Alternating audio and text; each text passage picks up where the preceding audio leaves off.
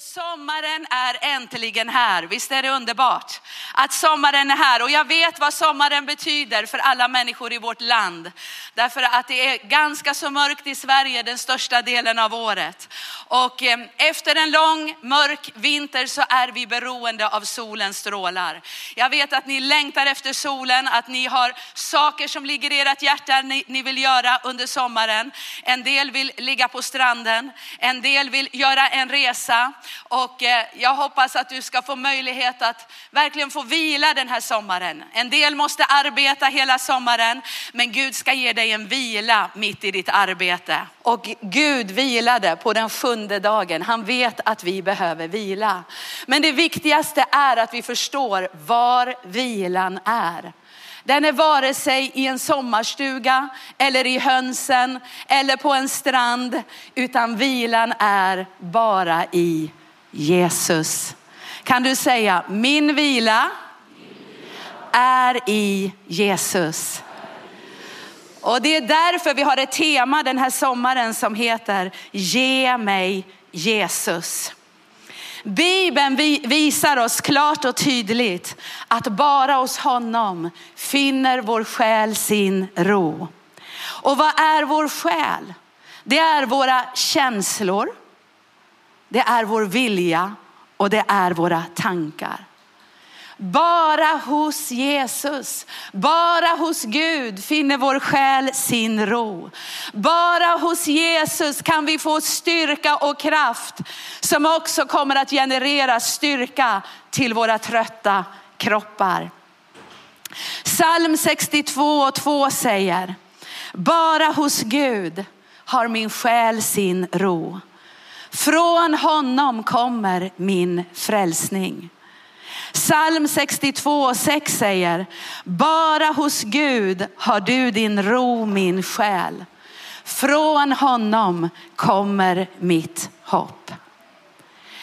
Vad jag vill säga till dig den här dagen, att den här sommaren så står Jesus som alltid med sin varma öppna famn för att omfamna dig och ge dig din bästa sommar. Oavsett om du inte ens kan ta semester, resa bort eller har ekonomiska möjligheter att göra någonting som andra gör. En sommar med Jesus är din bästa sommar. Det spelar ingen roll vilka omständigheter du har. Det spelar ingen roll vad du går igenom just nu. Du kanske befinner dig i ett andligt krig, ett själsligt krig. Du kanske har krig i din familj.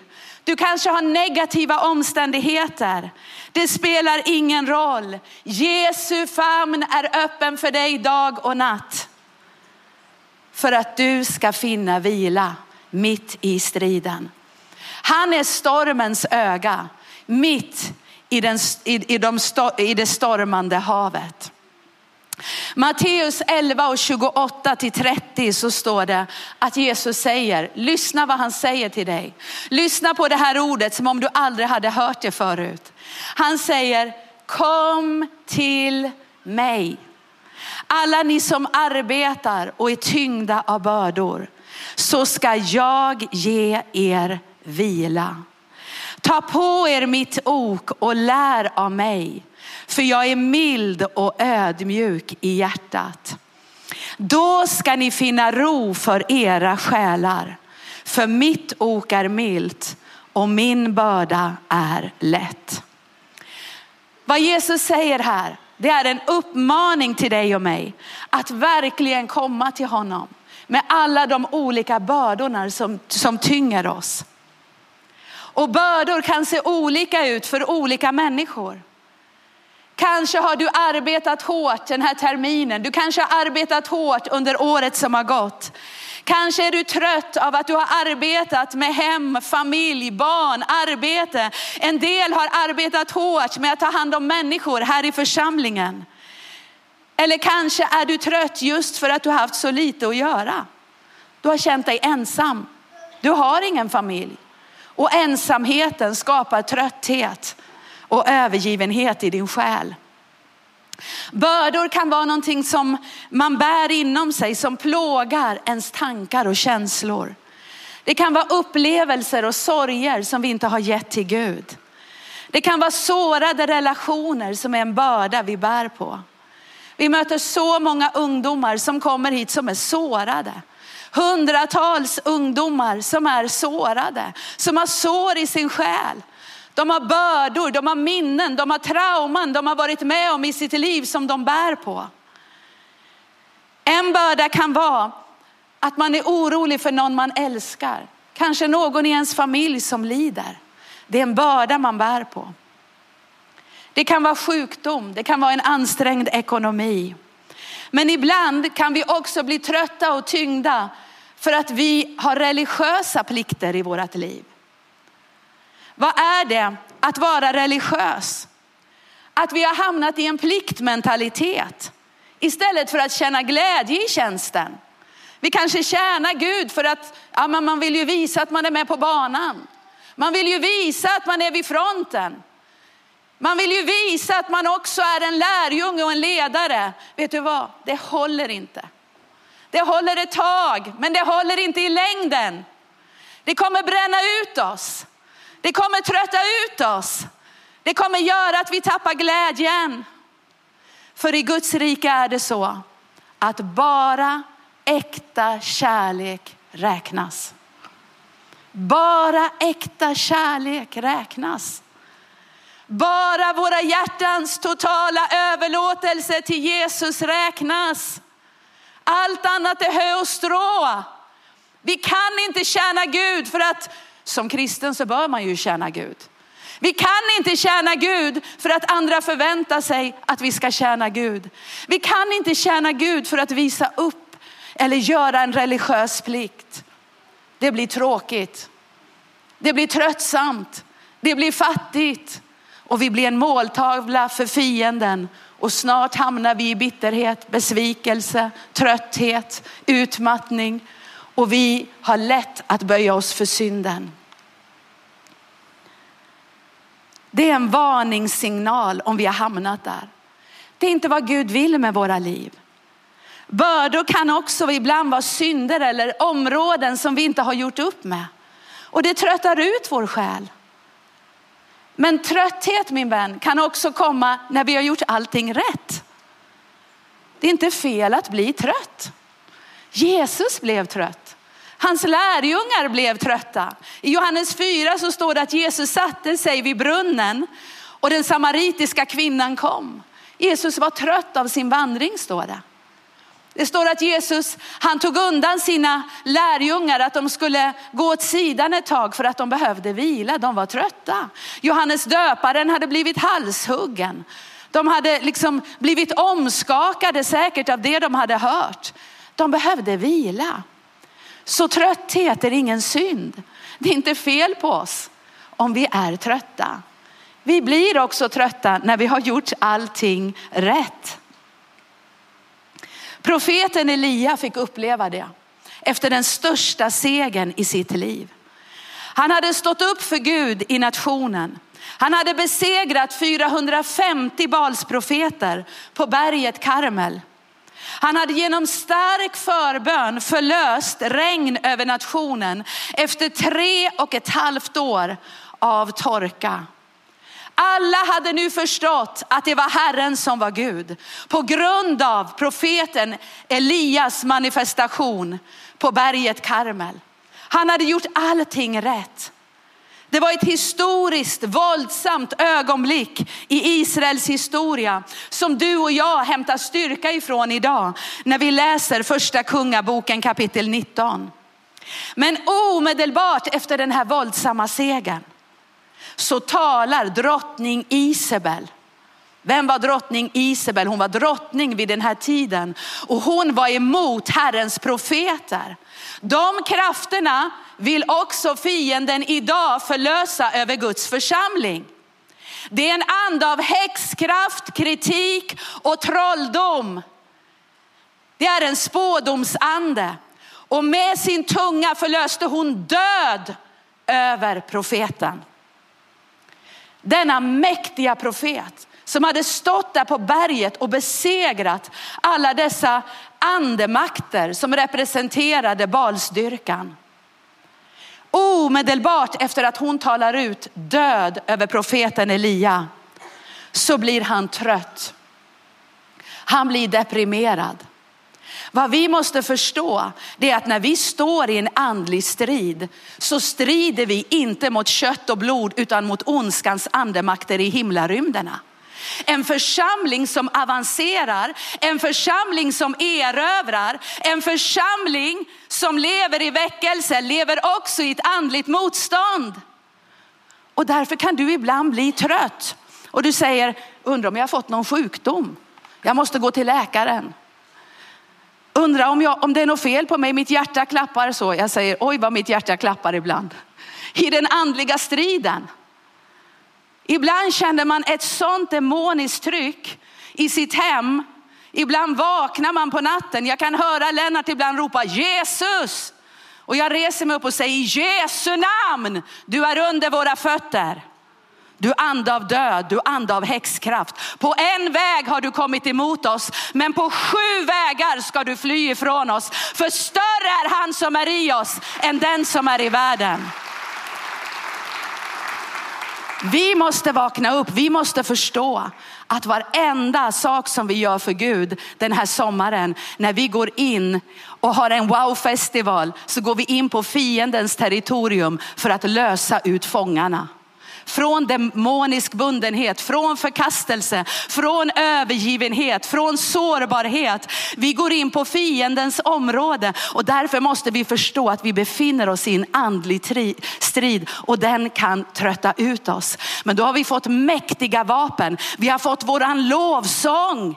Det är därför vi inte får sluta prisa Gud. Vi har fått makt i namnet Jesus. För hans namn måste varje knä böja sig. Varje tunga ska bekänna att Jesus är Herre. Vi har fått ordet så att vi kan säga det står skrivet. Det står skrivet. Jag och min familj, vi ska tjäna Herren. Alla mina barn ska bli Herrens lärjungar och deras frid ska vara stor. Den svage ska säga jag är stark. Den svage ska säga jag är en hjälte. Det är vad Guds ord säger. Men Elia fick känna av den här striden, den här kampen efter den här stora segern. I första kungaboken 19, 4-8 så läser vi. Själv gick han en dagsresa ut i öknen. Där satte han sig under en ginstbuske och önskade sig döden. Och sa, nu är det nog Herre, ta mitt liv, för jag är inte bättre än mina fäder. Elia la sig ner under ginstbusken och somnade. Men en ängel rörde vid honom och sa till honom, stig upp och ät. När han såg upp fanns där vid honom, eh, vid huvudändan, ett bröd bakat på glödande stenar och en kruka med vatten. Han åt och drack och la sig ner igen. Men Herrens ängel rörde vid honom igen, säg igen för andra gången och sa, stig upp och ät, för annars blir vägen för lång för dig. Då steg han upp och åt och drack. Sedan gick han styrkt av maten i 40 dagar och 40 nätter ända till Guds berg Horeb. Amen. Lägg märke till att ängeln fick röra vid Elia, inte bara en gång, Ängeln behövde röra vid Elia två gånger innan han orkade fortsätta framåt. Vi ser att Elia hade drabbats av depression. Det är någonting som kan drabba oss också i en, en mörk värld. Vi lever ständigt under ett betryck och det betrycket på något sätt har ökat och det kommer att öka i den tid vi lever i. Men just därför måste vi säga det som vi har sagt att vi ska säga den här sommaren. Ge mig Jesus. Ge mig Jesus. Ge mig Jesus. Han är mitt bröd. Han är min dryck. Han är den enda som kan få mig att vakna. Han är den som kan befria mig från denna ande av betryck, denna ande av depression som ibland vill släcka elden i mitt liv. Ängeln väckte honom igen. Först så fick han nybakat bröd och han drack vatten, men han somnade igen. Men ängeln väckte honom igen och uppmanade honom att äta en andra gång. Och efter det orkade Elia gå i 40 dagar. Och ibland är det samma sak med dig och mig. Vi attackeras av trötthet. Vi orkar inte gå framåt. Vi vill sova. Har du känt så någon gång? Låt mig bara få sova så är jag nöjd med min semester. Om man har småbarn så vill man sova. Oj, då behöver man sova. Man behöver sova, man kanske går upp på nätterna, man vill sova. Men ibland så kan man vilja sova på grund av den här demoniska tröttheten man har i sitt liv. Den här sorgen man har, de här bördorna man bär på. Den här ångesten som kanske plågar. Eller betrycket man känner ifrån den andliga världen.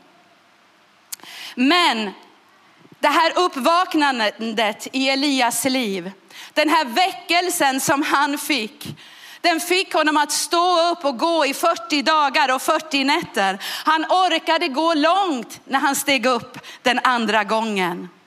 Och vi behöver också den här sommaren, om du åker på semester så ska du inte somna andligt utan du behöver leva i samma väckelse som Elia gjorde. Du och jag behöver också äta av brödet och dricka av vattnet.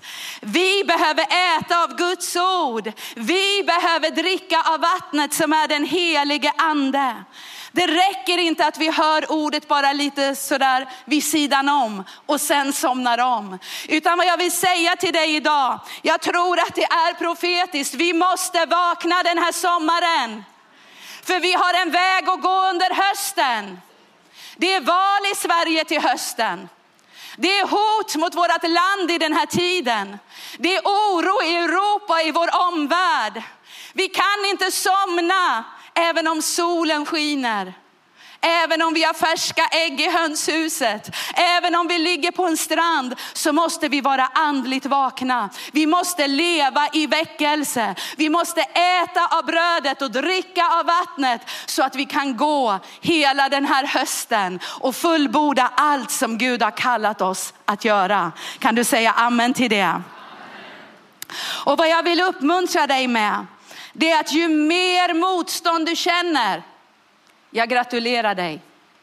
Jag gratulerar dig. Ju mer motstånd du känner, desto större genombrott väntar. Elia fick uppleva en våldsam encounter med Gud efter att ängeln hade väckt honom två gånger. Efter den här långa vandringen i 40 dagar fick han en våldsam encounter med Gud.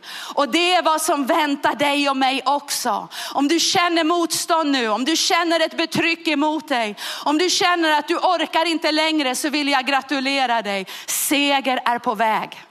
Seger är på väg. Hör vad jag säger. Seger är på väg. Genombrottet kommer.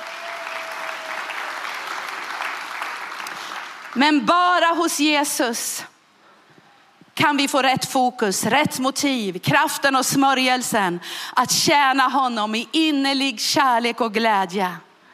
Han kallar dig och mig idag att komma till honom med alla våra bördor, oavsett hur de ser ut, så att han får lösa oss. Lösa av oss de här bojorna, lösa av oss de här problemen som vi går och bär på som tyngar, tunga ryggsäckar. Han vill fylla våra hjärtan med sin frid. I Jesu famn kommer vi att väckas till liv den här sommaren och bli fyllda av hans kärlek till en värld som gråter.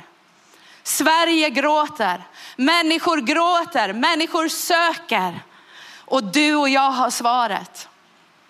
Jesus sa till församlingen i Efesos, Uppenbarelseboken 2, vers 2 till 5. Jag känner dina gärningar, ditt arbete och din uthållighet. Jag vet att du inte kan tåla onda människor. Du har prövat dem som kallar sig apostlar men inte är det. Och du har funnit att de är lögnare. Ja, du är uthållig och du har uthärdat mycket för mitt namns skull utan att trötta. Men jag har en sak emot dig, att du har övergett din första kärlek. Kom därför ihåg varifrån du har fallit och vänd om och gör dina första gärningar. Annars om du inte vänder om kommer jag till dig och flyttar din ljusstake från dess plats. Det här ordet har väl alltid skakat om oss. Det har alltid skakat om mig. Det är ett av de mest omskakande orden för mig i Guds ord. Att tänk om jag gör allting rätt. Tänk om jag gör allting som Gud har kallat mig att göra. Men jag glömmer min första kärlek. Jag säger Gud, låt det aldrig ske. Låt mig inte vara bland dem som var bland de första men blev bland de sista. Låt mig vara bland de första till mitt sista andetag. Låt mig stå vid fronten uppfylld av passionerad kärlek till min frälsare. Jag vet att det är din bön också. Vad är det Jesus menar med att leva i den första kärleken? Han säger, du måste tänka efter. Han säger till församlingen, ni måste reflektera över varifrån ni har fallit. Ni måste tänka efter. Ni måste omvända er och väcka till liv det som är förlorat.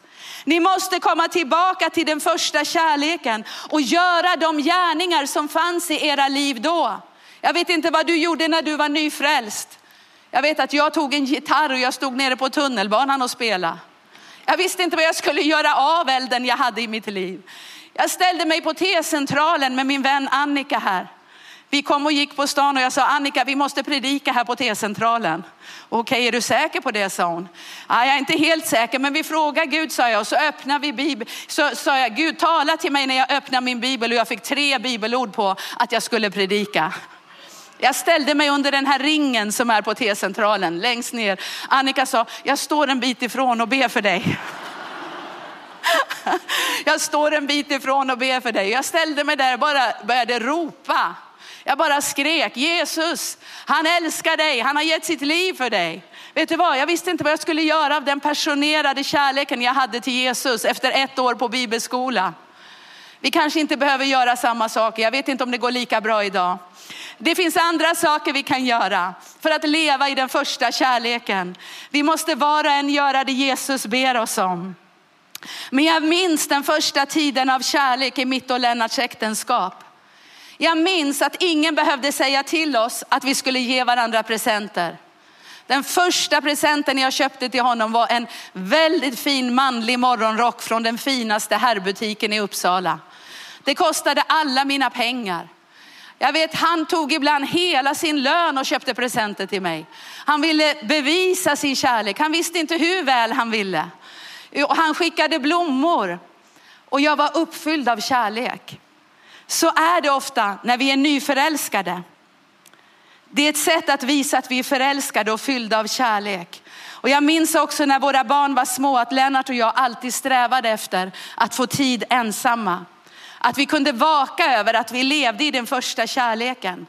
Vi blev uttröttade av att arbeta ta hand om barn, städa, handla, vara aktiva i kyrkan. Att vi behövde tid ensamma så att vi kunde se till att vi levde i den första kärleken.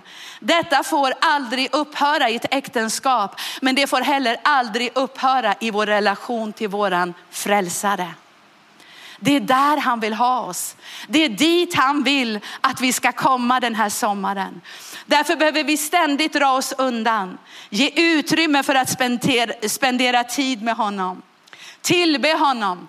Meditera på hans ord och bara njuta av hans närvaro. Vi kan alla hamna i det här läget att vi blir trötta. För vi har gjort mycket i vår vardag, i vår tjänst för Gud. Men då är sommaren en utmärkt tid att säga, ge mig Jesus. Även på väg till jobbet så kan du sätta dig på en parkbänk. Bara lyssna på Guds ord kanske i dina lurar. Bara sitta där och samtala med Jesus. Du kan sitta på bussen. Istället för att sitta och kolla vad alla gör på Instagram kan du sitta med lurarna på och höra Guds ord. Du kan lyssna på hela Bibeln den här sommaren. Du kan ta med dig din bibel var du än går och bara spendera tid i hans närvaro och säga ge mig Jesus. Ta mig tillbaka till den första kärleken och den första kärlekens gärningar. Det som är så underbart med Jesus, det är att han är så god och kärleksfull. Han är inte en hård uppdragsgivare. Han är så underbar. Han är så omsorgsfull. Han är så varm i sin kärlek till dig och mig. Han är mild och ödmjuk. Kom ihåg vad han sa. Han sa kom till mig, sa han. Kom till mig alla ni som arbetar och är tyngda av bördor. Så ska jag ge er vila. Ta på er mitt ok och lär av mig, för jag är mild och ödmjuk i hjärtat. Då ska ni finna ro för era själar. För mitt ok är milt och min börda är lätt. Vi ser att Jesus kallar oss att komma till honom när vi arbetar och bär på bördor. Med andra ord, Jesus vill inte lägga på dig några bördor.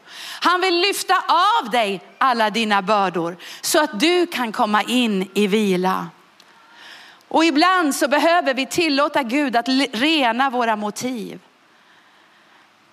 Att all lagiskhet, att all religiositet får lämna oss, för det är en börda att bära på. Vi tror ibland, vi luras och tror sen syndafallet att vi med våra gärningar kan behaga Gud. Att vi med våra gärningar kan få ett evigt liv och vinna frälsning. Men då vill jag påminna dig om vad det står i Efesierbrevet 2, vers 8 till 10. Det står av nåden är ni frälsta. Av nåden är ni frälsta. Kan du säga av nåd är jag frälst? En gång till. Av nåd är jag frälst. Med andra ord, inte för att du har gjort allting perfekt. Inte för att du har arbetat hårdast av alla, utan av nåd är du frälst. Genom, genom tro.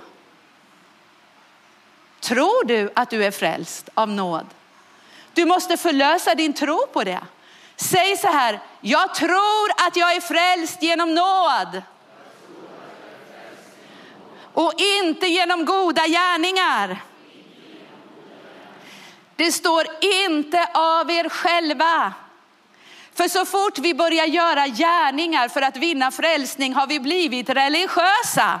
Även om vi heter We Are One Church och sjunger på engelska och har den här stora skärmen bakom oss. Och vi verkar så moderna och frigjorda. Men vet du vad? Ibland kan vi luras och tro att Gud bara älskar oss för att vi gör allting bra.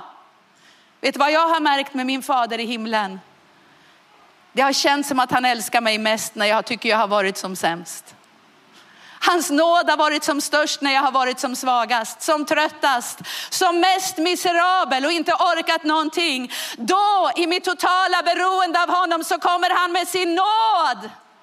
Vi behöver hans nåd. Det är därför vi behöver komma in i Jesu famn och bara kasta av oss alla våra bördor den här sommaren. Av nåden är ni frälsta genom tron, säger Efesierbrevet 2. Inte av er själva. Guds gåva är det. Inte på grund av gärningar för att ingen ska berömma sig. Hans verk är vi, eller som det står i en engelsk översättning, hans mästerverk är vi. Du är hans mästerverk, skapade i Kristus Jesus till goda gärningar som Gud har förberett för att vi ska vandra i dem. Vi ser här något som kan verka lite paradoxalt. Vi är frälsta av nåd genom tro. Inte för att vi inte ska ha några goda gärningar. Inte för att vi ska leva för oss själva. Nej, vi måste förstå att frälsningen är en gåva av nåd. Och när vi förstår det och tar emot det och låter hans kärlek fylla oss, då kommer vi längta efter att göra hans gärningar. Vi kommer längta efter att älska människor. Vi kommer längta efter att dela evangeliet med andra. Vi kommer längta efter att gå ut och göra gott i en värld som är totalt beroende av Jesus Jesus för sin frälsning. Kan du säga amen till det? Guds tankar är inte som våra tankar. Hans tankar och vägar är så mycket högre än vårt sätt att tänka. Guds tankar är att vi ska ge hela vårt liv, hela vårt hjärta, allt vad vi är och har i hans händer. Guds vilja är att vi ska tjäna honom med allt vad vi är och har. Men inte för att bli godkända och erkända. Det är vi redan genom Jesu blod. Vi ska tjäna honom och leva för honom. För att vi har mottagit och varje dag mottager hans förlåtelse och hans överflödande kärlek. Vi ska tjäna honom älskade församling för att han är vårt liv, han är vårt allt, han är vårt hopp. Vi ska tjäna honom för att han har förberett goda gärningar som vi ska vandra i och som vi kommer att få belöning för i hans eviga himmel. Det är hans kärlek i oss som flödar ut till människor som inte känner Gud. Och det är därför Jesus säger, ta på er mitt ok. Ta på er mitt ok och lära mig, för jag är mild och ödmjuk i hjärtat. Då ska ni finna ro för era själar. Vad betyder det här? Att vi ska åka ihop med Jesus.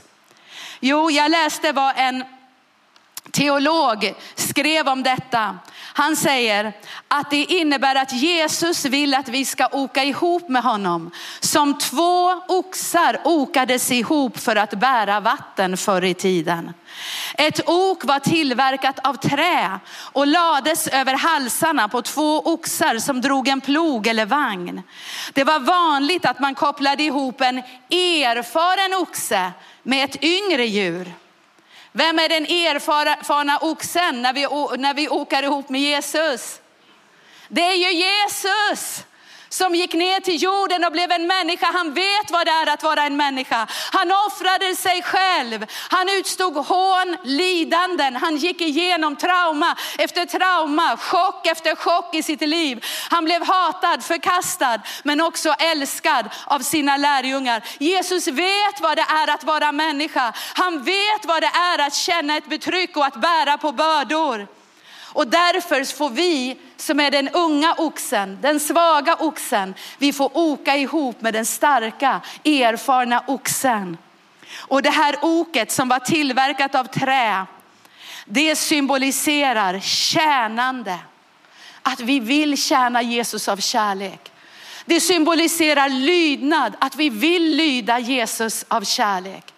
Det symboliserar underkastelse total lydnad till våran Herre och frälsare. Jesus är den erfarna dragaren. Han tar den stora bördan. Han är mästaren som frivilligt inbjud, eh, som inbjuder oss att frivilligt gå in under hans ok för att tjäna, lyda och underordna oss honom. Och när vi kopplar ihop med Jesus så kommer hans kraft över oss. Hans kraft flödar igenom oss. Vår svaghet förvandlas till styrka. Det är därför vi behöver be älskade församling denna sommar. Ge mig Jesus. Ska be att jag får en pianist. Det är varmt här inne idag. Jag vill inte att ni ska somna. Så jag ska inte predika hela min predikan. Vi får se när Rickard börjar spela så kanske ni vaknar. Vattnet börjar flöda från den helige ande. Jesus vill inte bara ge dig kraft att tjäna honom den här sommaren. Han vill ge dig kraft och smörjelse i varje utmaning du står i, i varje utmaning du möter, i varje utmaning som vill komma emot oss den här hösten. När vi åker ihop med Jesus så kommer bördan att bli lätt. Hans ok är milt. Hans ok är behagligt. Hans ok är bekvämt även i det svåraste motstånd. Så när vi ger tid, älskade församling, för Jesus varje dag så kommer vi att finna vila. Vi kommer att få nytt mod den här sommaren. Ny styrka i våran själ. Vi kommer få glädjen tillbaka om vi har tappat den.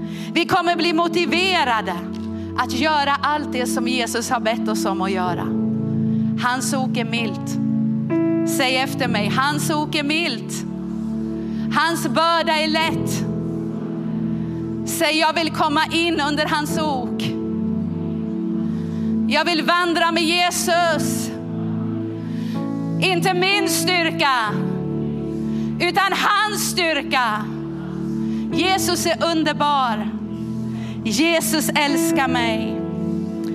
Jag har bara bett att du idag ska få känna hur Gud Fadern bara omsluter dig och kramar dig. Kramar ditt hjärta den här sommaren. Han älskar dig så oerhört mycket. Han älskar dig så mycket att han sände sin egen enfödde son till den här världen för att rädda dig. Romarbrevet 8 och 15 säger, du har inte fått slaveriets ande. Om du åker på semester ska du njuta på din semester. Njuta tillsammans med Jesus. Du är ingen slav, du är hans son, du är hans dotter, du är älskad. Du får dra dig undan med Jesus för att vila.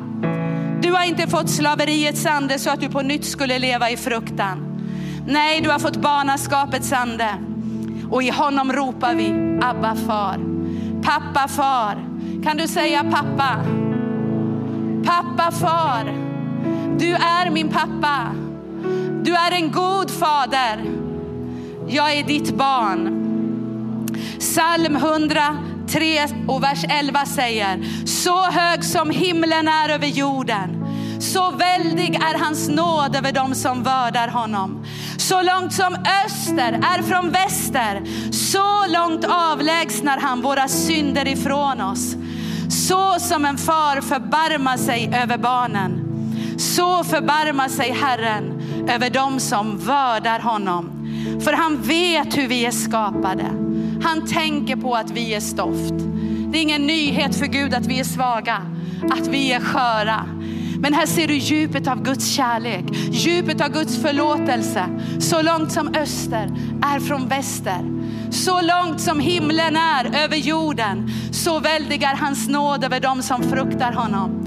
Han dömer inte oss, han anklagar inte oss. Om du inte orkat öppna din bibel på två veckor, två månader, ett halvår. Han kom inte för att döma dig. Han säger kom in i min famn mitt barn. Kom till mig alla ni som arbetar i egen kraft. Alla ni som är trötta för att ni har arbetat för mig. Vad orsaken än är till din trötthet, kom in i min famn säger Jesus.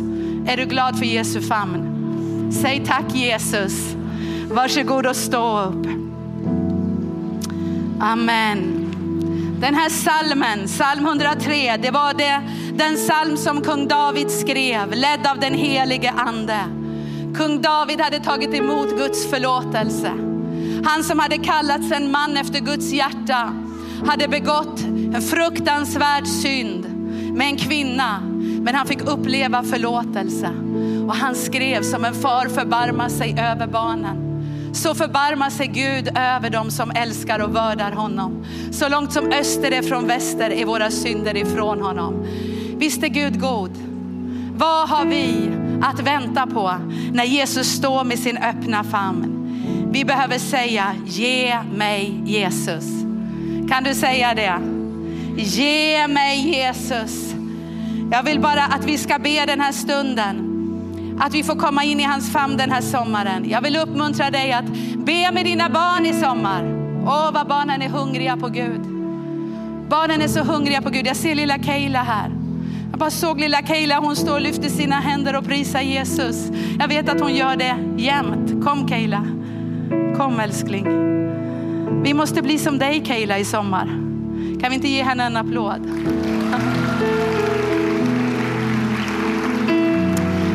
Vet att hon prisar Gud och prisar Gud och prisar Gud. Hon prisar Gud jämt.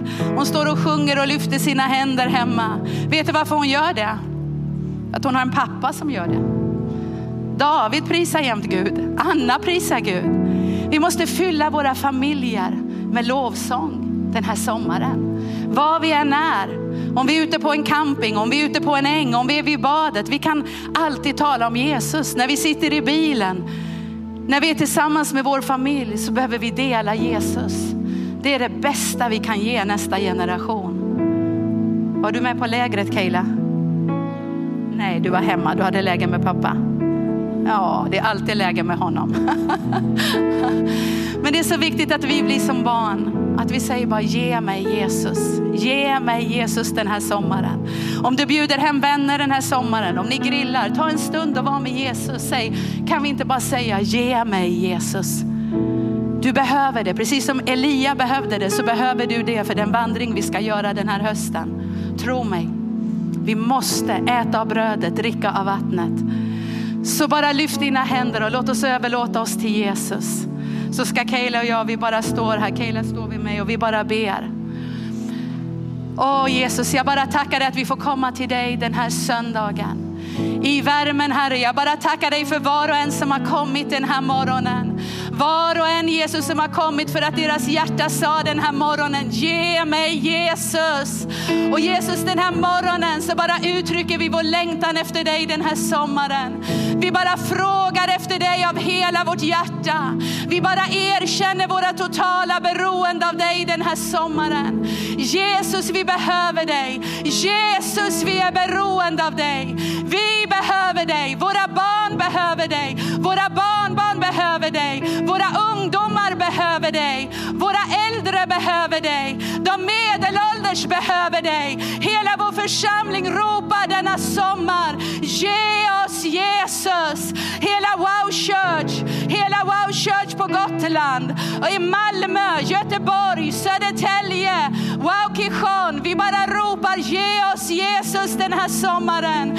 Jesus, tack att du står med din öppna famn. Du står med din öppna famn och du ropar till dina barn den här sommaren. Kom till mig, kom till mig alla ni som arbetar och är tyngda av bördor, så ska jag ge er vila. Oh, kom, ta på er mitt ok, lär av mig, för jag är mild och ödmjuk i hjärtat. Så ska ni finna ro för era själar denna sommar. Jag bara tackar dig att det ordet går ut den här sommaren. Det går ut den här dagen, Herre. Tack att det är ett ord från ditt eget hjärta. Tack att det är ett råd ditt till dina barn, till dina söner och döttrar. Att vi ska söka ditt rike först och din rättfärdighet Jesus. Då ska allt annat tillfalla oss Herre. Då ska vi få vår bästa sommar, vår bästa semester Herre. Åh, jag bara tackar dig, jag bara prisar dig, bara lyft dina händer